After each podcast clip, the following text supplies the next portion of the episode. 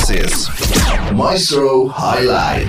Sobat Maestro, lima organisasi profesi. Di bagian lain dilaporkan Organisasi Kesehatan Dunia WHO dari Bandung dilaporkan imbas dari naiknya status menjadi Bandung This is Maestro Highlight. Sobat Maestro, inilah Maestro Highlight hari ini bersama saya Ari.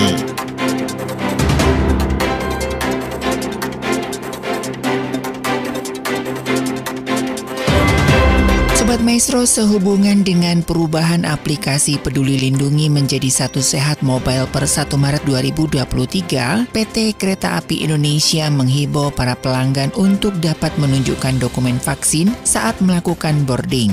Dokumen vaksin tersebut dapat berupa soft copy yang ditunjukkan di handphone ataupun dokumen fisik. Kereta Api Indonesia akan terus berkoordinasi dengan Kementerian Kesehatan sebagai pihak yang mengelola aplikasi Satu Sehat Mobile. Kereta Api Indonesia telah mengintegrasikan aplikasi Peduli Lindungi dengan sistem boarding kereta api Indonesia untuk memantau proses validasi dokumen kesehatan calon pelanggan sejak 23 Juli 2021.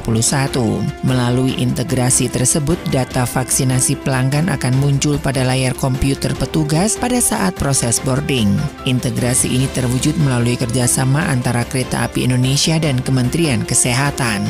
Di bagian lain dilaporkan Menteri Luar Negeri Republik Indonesia Retno Marsudi menegaskan kembali komitmen Indonesia atas penegakan hak asasi manusia dan menyampaikan pencalonan diri sebagai anggota Dewan HAM PBB periode 2024-2026. Ia mengangkat tema besar kemitraan inklusi bagi kemanusiaan dan meminta dukungan atas pencalonan Indonesia itu. Berbicara di sidang Dewan HAM PBB ke-52 di Jenewa, Swiss yang bertepatan dengan peringatan 75 tahun Deklarasi Universal HAM, Menteri Luar Negeri Retno Marsudi Marsudi mendorong peringatan tahun ini sebagai momentum untuk memperteguh komitmen terhadap penegakan HAM dan tidak boleh membuat perhatian terhadap kondisi HAM dunia menjadi terpecah. Untuk itu, ia menyarankan tiga hal sebagai fokus kerjasama, yaitu melakukan aksi nyata untuk kemanusiaan, mengupayakan tingkat pencegahan pelanggaran, dan memperkuat arsitektur HAM. Retno menyoroti konflik di Palestina, Afghanistan, Myanmar, dan Ukraina.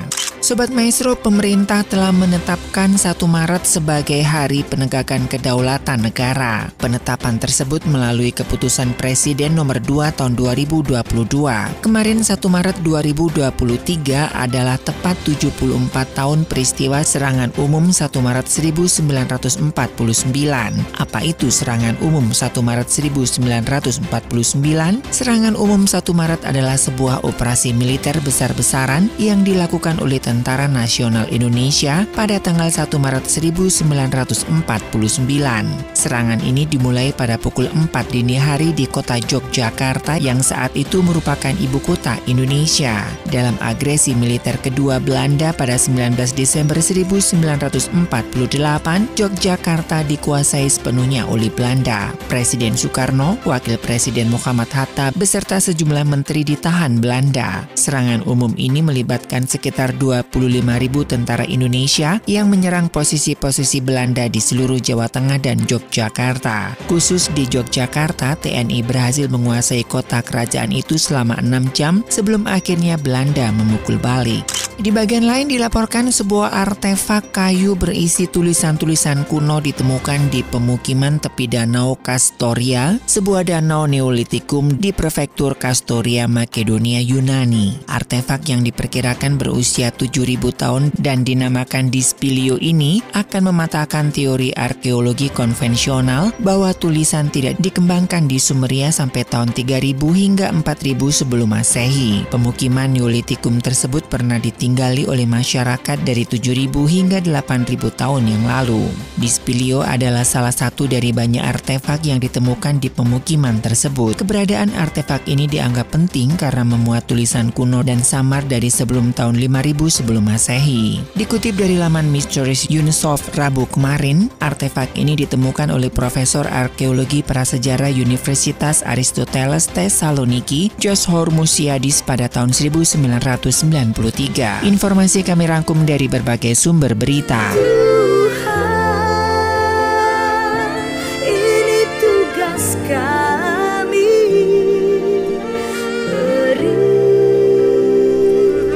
keberanian bagi kami.